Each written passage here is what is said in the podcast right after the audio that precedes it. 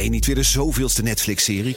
Kom naar de Monday Moves van BNR. Op maandag 18 maart zal op het podium Arend-Jan Boekenstein, Michal van der Toren, Geert-Jan Haan en Bernard Hammelburg. Ze hebben het over geopolitiek. Het is oorlog. Moeten we vechten, vluchten of bevriezen? Onder leiding van mij, Art Rooijakkers. 18 maart dus in het De La Mar Theater in Amsterdam. Check bnr.nl slash mondaymoves. Deze podcast wordt mede mogelijk gemaakt door Amdax. Het handelshuis voor de serieuze cryptobelegger.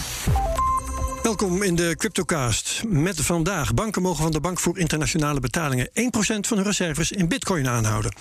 En medeoprichter Jed McCaleb van Ripple kreeg in 2012, tien jaar geleden, miljarden aan XRP-muntjes cadeau. En over een paar weken, dan is hij helemaal klaar. Dan heeft hij alles verkocht. Wat zegt dat over hem? Wat zegt dat over Ripple? Dit is Cryptocast nummer 227. Met eerst een half uurtje crypto-nieuws op de radio. En daarna gaan we door als podcast over de Crypto-encyclopedie. Het nieuwe boek van Krijn Soeterman. En daarom hebben wij hier als gast Krijn Soeterman. Ja, cryptojournalist. eh, auteur van de Crypto-encyclopedie. Eh, nu niet, is niet als co-host, maar als gast. Dus even wennen inderdaad aan deze kant zitten. Dus Ja, eh, een prima. ander uitzicht. Daarom zit er iemand anders aan de andere kant. Het is Robert Reiner Nederhoed. Ook wel eens gast geweest trouwens. Eh, oprichter en directeur van Bit My Money. Welkom. Goedemiddag, Herbert. Hi. Wij geven geen beleggingsadvies. Vorm je eigen mening, maak je eigen keuzes en geef ons niet de schuld. Crypto kan lucratief zijn, maar is ook wel eens riskant. Over naar het nieuws. De Bank voor Internationale Betalingen, de BIS. Centrale Bank voor Centrale Banken zeggen ze ook wel eens. Die zegt dat banken 1% van hun reserves in crypto mogen gaan aanhouden. Robert Reinder, is dat volgens jou een belangrijke koerswijziging? Ja, ik vind de, de, hoe je hem brengt vind ik heel mooi. Want eigenlijk is er volgens mij op dit moment geen eis, zeg maar, daaraan. En wat ze nu gaan invoeren is dat je maximaal 1% mag aanhouden. Ja. Dus in zekere zin is het een beperking. Maar aan de andere kant, doordat het nu zo in het nieuws komt... is het ook een kans van, hey, hebben jullie er wel eens Ja. over nagedacht om het gewoon te gaan doen? Ja, nou ja, eh, bedoel jij te zeggen dat het eigenlijk altijd al mocht? Nou, eh, kijk, dan ben ik weer niet juridisch heb ik genoeg. helemaal niet gehad. de Nee, de jaren. lijn is natuurlijk van niet doen, niet doen. Mhm. Alleen er is nu geen regel dat ze een maximum mogen aanhouden. Eh, nee, nee, nee. Eh, maar de eh, ongeschreven regel was Ja, het dan precies. misschien? Die was Dus dat is helemaal niks beleid. En nu komt er wel beleid en daarmee is er duidelijkheid. Dus dat is de positieve kant. Ja, op die manier. Ja, ja, ja. ja. Ehm, eh, er zijn Hoeveel is 1% eigenlijk? Ehm, daar heb ik informatie over. Oh. Want, nou ja, ik dacht, ik wil wel eens weten wat Teunis Broosens hiervan vindt. Dat is de crypto-expert van ING. En die heb ik gemaild en die zei dat het ehm, zou neerkomen... en dan moet ik even checken hoor, eh, op anderhalf miljard... En ik weet niet zeker of dat nou voor ING gold of voor de Nederlandse banken samen. Maar in ieder geval die orde van grootte. Oh, dat is toch nog best wel flink. Dus dat zijn wel serieuze eh, bedragen Ja. waar het dan over zou kunnen gaan.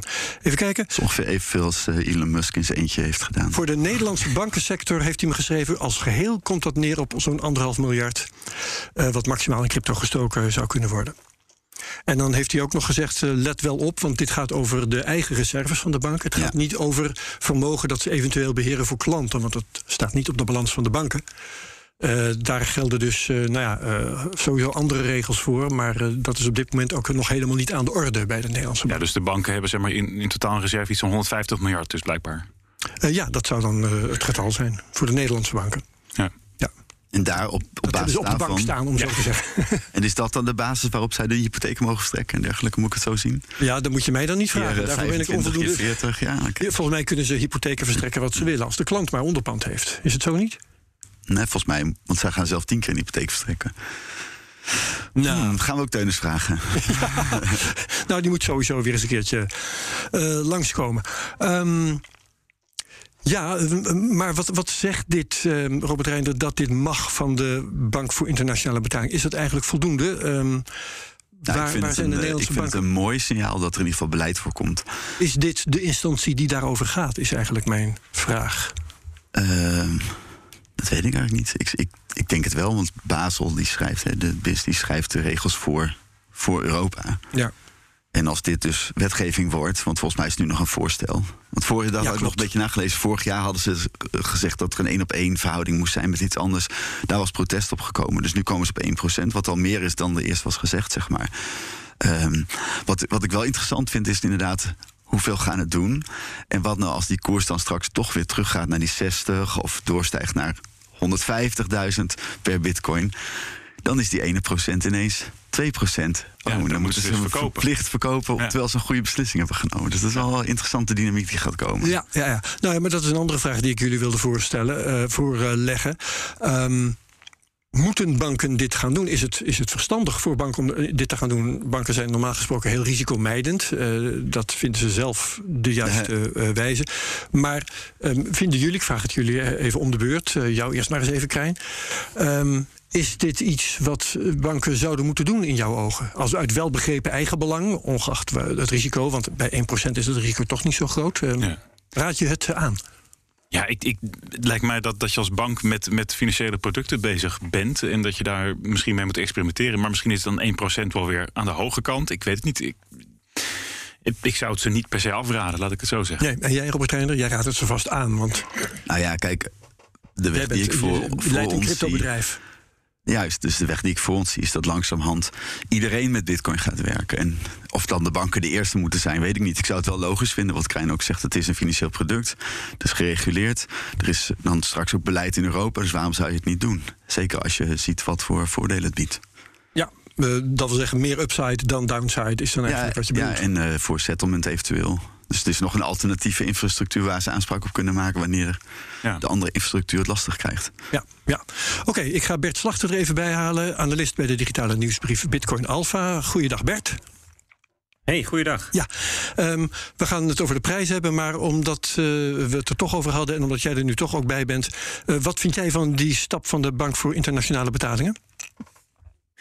Ja, het is eigenlijk pas een eerste stap. Hè? Want wat de BIS eigenlijk doet, is een soort van raamwerk maken. Een kapitaal- en liquiditeitsraamwerk. Dat, dat is bij ons bekend als Basel. Hè? De, de, de regels Ja. van Basel. Basel Dat werd hier bijvoorbeeld. En, ja, en vervolgens wordt dat lokaal omgezet in wetgeving of toezichtskaders en dat soort zaken. Hè? Dat is gewoon bij ons. Met lokaal EU bedoel je bij de lidstaten? Dus, nou ja, dat in, in Europa geldt het dan voor de eurozone. Hè? Mhm. En, en in Engeland de- dus zal de Bank of England dat bijvoorbeeld doen. Dus het zal, dat verschilt dan per land hoe dat dan eh, vervolgens verwerkt wordt. En pas dan is het ook echt geldig, geldende wetgeving. Maar banken kijken hier natuurlijk wel naar. En ehm, het is denk ik wel interessant om te weten dat vorig jaar juni er ook al een aanwijzing door de BIS gegeven is. Dat ging toen om kapitaalsvereisten bij het aanhouden van crypto. Dan moest 1250% aangehouden worden, risicoweging. Hè, terwijl normaal, normaal is het zo dat eh, moet je, je moet 8% aan kapitaal aanhouden... ten opzichte van, van, van, van, van je, eh, datgene wat je, wat- je aan klanten uit, voor klanten beheert, zou je Ja. kunnen zeggen. En bij crypto is dat 1250% gewogen. En dat maakt het dus hè, maal die 8% 100% Dat betekent dat als jij 100 euro aan bitcoin ehm, van een klant inneemt... dat je daar 100 euro aan eigen kapitaal tegenover moet hebben. Dus er was eigenlijk al een eis. En die is nu specifieker gemaakt door te zeggen van... nou ja, dit mag ook maar 1% van je balans vormen. En wat het eigenlijk zegt tegen banken is... joh, als je crypto-assets voor klanten bewaart... Ehm, dan, word dan niet eigenaar. Zet het niet op je eigen balans, maar zet het in een aparte ehm, bewaarstichting. Hè. Dus we, het- het- eh, behandel het net als andere beleggingsinstrumenten. Hanteer vermogensscheiding. Eh, en en, en Ja. dat hele kleine stukje wat je dan wel op je eigen balans kan hebben... dat zou je kunnen gebruiken voor heel specifieke diensten die je aanbiedt aan klanten. Dus dat je tijdelijk wel wat blootstelling hebt aan crypto.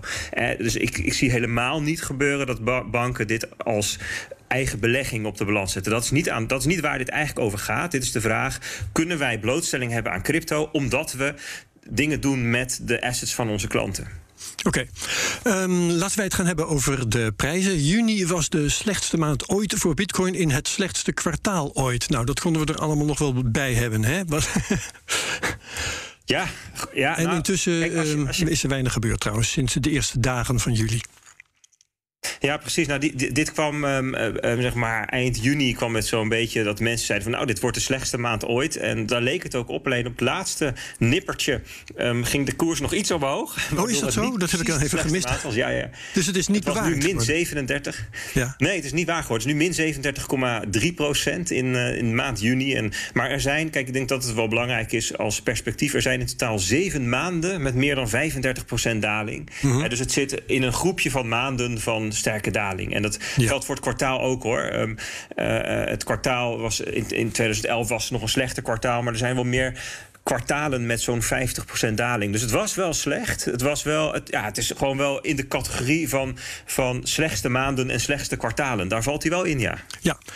Ehm, nou, verder was er eh, deze week ook nog slecht nieuws genoeg. Um, Voyager, ook weer zo'n crypto-leenbedrijf, heeft nu de opnames van de rekening van klanten gestopt. In navolging van bijvoorbeeld Celsius. Uh, BlockFi werd gered, maar nou, vraagt niet hoe, hè, tegen een spotprijs. Uh, 3AC, Three Arrows Capital, dat crypto hedge fund, ging failliet. was er eigenlijk nog goed nieuws deze week? Ja, dat is, al, ja, dat is eigenlijk wel karakteristiek hè, voor een bearmarkt. Is dat je, ja, mensen zijn heel erg gefocust op alle risico's, op alles wat er nog mis kan gaan. dus ook elk gerucht wat ook mogelijk eh, iets slechts kan betekenen, nou ja, dat wordt heel erg uitvergroot. En een gedeelte ervan is ook gewoon onwaar, blijkt dan. Maar dat is, ja, dat is gewoon de, de, de, de aandacht van de mensen gaat nu uit naar de risico's en de gevaren. wat was er bijvoorbeeld onwaar deze week? Um, nou, vorige week, uh, uh, nou ja, dat weten we niet zeker, maar er ging een gerucht ronde dat Circle bijvoorbeeld op omvallen stond. Oh ja. Het bedrijf achter USDC, een, een, een EuroC. Uh, en als je gaat kijken naar de argumentatie ervoor, er lijkt daar heel weinig van waar. Maar ja, dat gaat dan wel met duizenden likes op social media over. ja. um, over, over, over Circle gesproken, zij hebben vorige week 30 juni EuroC gelanceerd, hè, de, de stablecoin. Ja. Uh, uh, hebben we het over euro gebaseerd. Euro stablecoin, ja. Hebben we het over gehad, precies. Ja, en nou, dat, dat is wel goed nieuws. Hè. Dus dat is okay. één voorbeeld van dingen die nu gebouwd worden. Hè, dus er wordt ontzettend hard gebouwd door developers, door bedrijven. Um, ja, dat is dingen die achter de schermen gebeuren. En dan moet ik altijd terugdenken aan de vorige bearmarkt 2018. Ja, dat was de tijd, dus 18, 2019, 2020, dat, dat het Lightning-netwerk gebouwd werd. Ja. had ook niemand het over in die tijd. Ja, en toen was er ineens...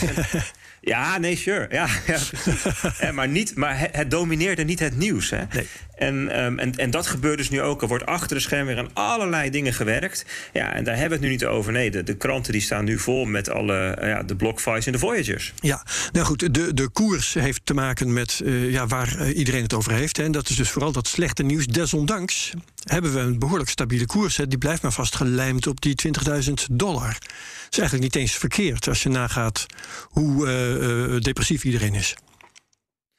Ja, dat klopt. Dat is zeker. Dus wat je eigenlijk, denk ik, mag constateren... Hè, dat, dat in de afgelopen drie, vier weken de, de, de, de kopers... Dat er, nou, dat er onder de verkopers een hele grote groep is... die dat niet vrijwillig doet. En dat zijn bedrijven die te veel risico hebben genomen... Ja. Um, miners die te veel risico hebben genomen... van die leenbedrijven, hedge funds... Um, en die, die, die geliquideerd worden, die gedwongen worden om dingen te verkopen. Ja, en, en um, er zijn, daar zijn blijkbaar dus kopers voor. Hè? En, en ja. als je dan gaat kijken van naar de verschillende, dat kunnen we in de blockchain natuurlijk mooi doen, naar de verschillende groepen. Wie is er nou aan het kopen? En dan zie je een hele duidelijke uh, uh, groep van mensen die minder dan één bitcoin bezitten, de kleintjes. Maar ja, die kleintjes bij elkaar, die kopen zo'n 40.000 bitcoin per maand. En dat is alleen al 1,4 keer zoveel, of dat is 1,4 keer, of 40% meer moet ik zeggen, dan wat er in omloop komt. En dus alleen die hele kleine groep, de, de groep kleintjes, dus een grote groep natuurlijk met allemaal kleintjes, die, die, die eet al alle nieuwe bitcoin op. En dan is er de groep boven de 10.000 bitcoin, de echte whales, zeg maar, die, die, die kopen ook. En, het, en de groep daartussen, ja, daar, daar is het dus een gemengd beeld. En, dat, en, en ik denk wat, wat domineert, dat, dat zijn de partijen die dus gedwongen moeten verkopen. En als dat ophoudt, met andere woorden, alle ellende is daaruit, ja, dan hou je dus een, een balans over van meer kopers dan verkopers. Ja, hè? ja. Je kan, dat kan dat trouwens bevestigen. Robert de Nederhoed. Bij, bij Wip Money hebben we natuurlijk zicht op wat de klanten doen. En we hebben ja. de afgelopen twee, drie maanden structureel meer mensen die kopen. Dus in volume en dus niet het aantal mensen. Want mensen die ja. verkopen zijn er meestal minder. Maar die verkopen meer, want die hebben lange, langere tijd gespaard. Maar netto gezien elke maand meer bitcoins erbij dan dat er uitgaan. Oké, interessant. Uh, belangrijke kopers op dit moment zijn ook wel El Salvador en MicroStrategy. Hè. Die zijn toen de koersen daalden veel uitgelachen... omdat ze langzamerhand toch behoorlijk in de min zaten te uh, raken. Maar um, ja, ze trekken zich daar niks van aan en, uh, en kopen gewoon door. Bert, is dat verstandig of steken ze hun hoofd alleen maar verder in de strop? Nou, zij zijn, zij zijn consistent. Hè? Dus zijn, zij, zij blijven bij, hoe ze, bij hun investeringsthesis. Ze- en dat geldt eigenlijk voor, de, voor het beeld wat ik krijg in de markt. Is dat er een hele grote groep is. Nou ja, ik vond het Glasnote wel mooi zei. Die zei: de toeristen zijn weg en de believers zijn overgebleven. en er is een hele grote groep van mensen die zegt: dit is, dit is hier geloof ik in en ik blijf kopen. Wie zijn dan de verkopers? Nou, dat zijn dus de partijen die nu gedwongen verkopen vanwege het eh, risico wat ze te veel genomen hebben. Hè, en, en, en, en, en dat verklaart, denk ik, dat die koers best wel stabiel is. En er zou echt een externe katalysator nodig zijn. En dat kan iets zijn.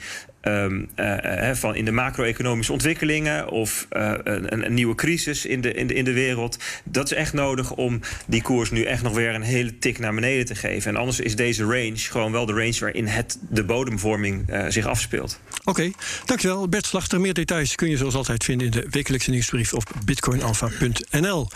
Gaan we het eens een keertje hebben over iets anders dan Bitcoin, eh, namelijk over Ripple. Eh, XRP, Jed McCaleb, hij is medeoprichter van het bedrijf Ripple. En dat is het bedrijf van de XRP-token.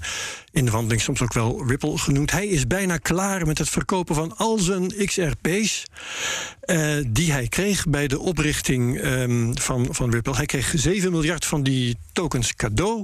Volgens de huidige koers was dat een waarde van meer dan 2 miljard dollar. En over het verkopen daarvan heeft hij acht jaar gedaan. Vanaf 2014 toen hij daar vertrok.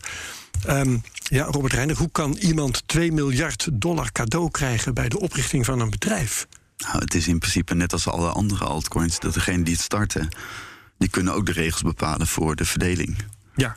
Dus als zij. En het, is op zich nog wel mooi ook, want ze zijn ook in een soort onmin geraakt. En dat zullen we straks waarschijnlijk nog even over. Dus ze zijn nu, het is nog een soort van alternatieve Ripple, dus dan Stellar.